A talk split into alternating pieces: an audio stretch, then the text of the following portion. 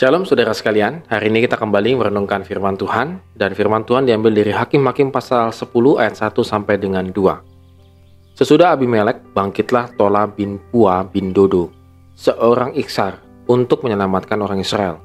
Ia diam di Samir di pegunungan Efraim, dan ia memerintah sebagai hakim atas orang Israel 23 tahun lamanya. Kemudian matilah ia, lalu dikuburkan di Samir.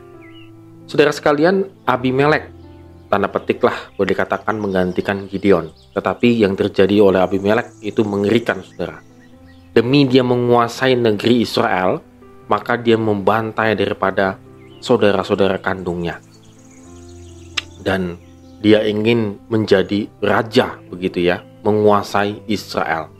Berdapat dikatakan tadinya biasanya itu adanya adalah orang dari luar menyerang Israel. Kalau ini after pada Gideon dari dalam sendiri yang hancur begitu. Dan boleh dikatakan Abimelek itu uh, dan Gideon punya banyak hal, banyak harta dan kekuasaan, tetapi justru itulah yang menghancurkan mereka. Saudara, saya yakin dalam kehidupan kita sehari-hari pun demikian, saudara.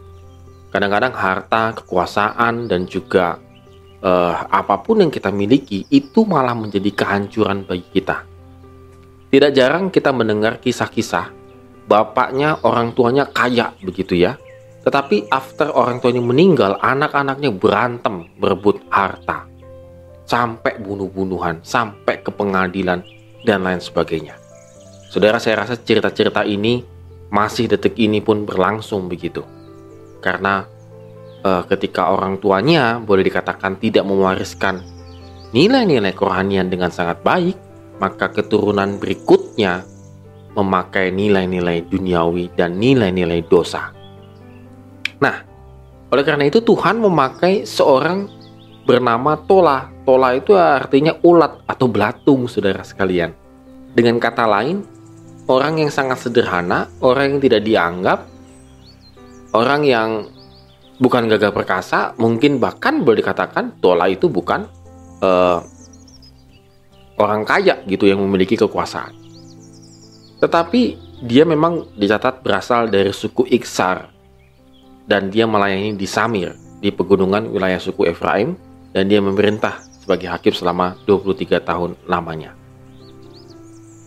Boleh dikatakan ya uh, dengan kehidupannya yang sangat sederhana ini lalu kemudian dia melayani bangsa Israel menjadi hakim dengan kesederhanaannya dengan keberadaannya dia yang pas-pasan mungkin atau mungkin dia boleh dibilang orang yang mungkin bukan level-level uh, jenius ataupun level-level dia memiliki keturunan-keturunan ini dan itu yang sangat hebat-hebat tetapi tidak.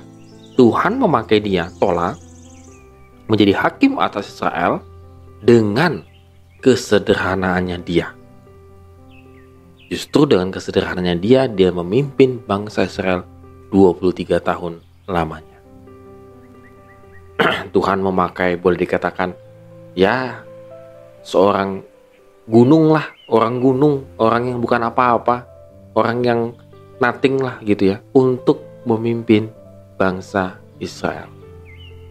Karena bangsa Israel memerlukan keteladanan hidup yang sederhana. Oleh karena itu saudara sekalian, mari kita lihat apakah kita sudah memiliki keteladanan hidup di dalam kehidupan kita. Walaupun kita bisa tanda petik kaya, bisa memang kaya begitu misalnya, tetapi gaya hidup kita tetap sederhana. Tetapi uh, sikap hidup kita tetap menjadi teladan bagi banyak orang. Saudara, ini yang kita perlukan adalah bagaimana kita menjadi teladan yang sangat sederhana, simple, walaupun kita di mata dunia tidak memiliki apa-apa, saudara, tetapi melalui kesederhanaan kita, kita boleh menjadi pemimpin yang bisa mengubah orang, bahkan bisa mempengaruhi orang lain. Menjadi pemimpin, terkadang, saudara, tidak dibutuhkan satu kehebatan yang dahsyat luar biasa, tetapi terkadang menjadi pemimpin dibutuhkan sikap hidup yang sederhana. Amin. Tuhan Yesus memberkati kita semua.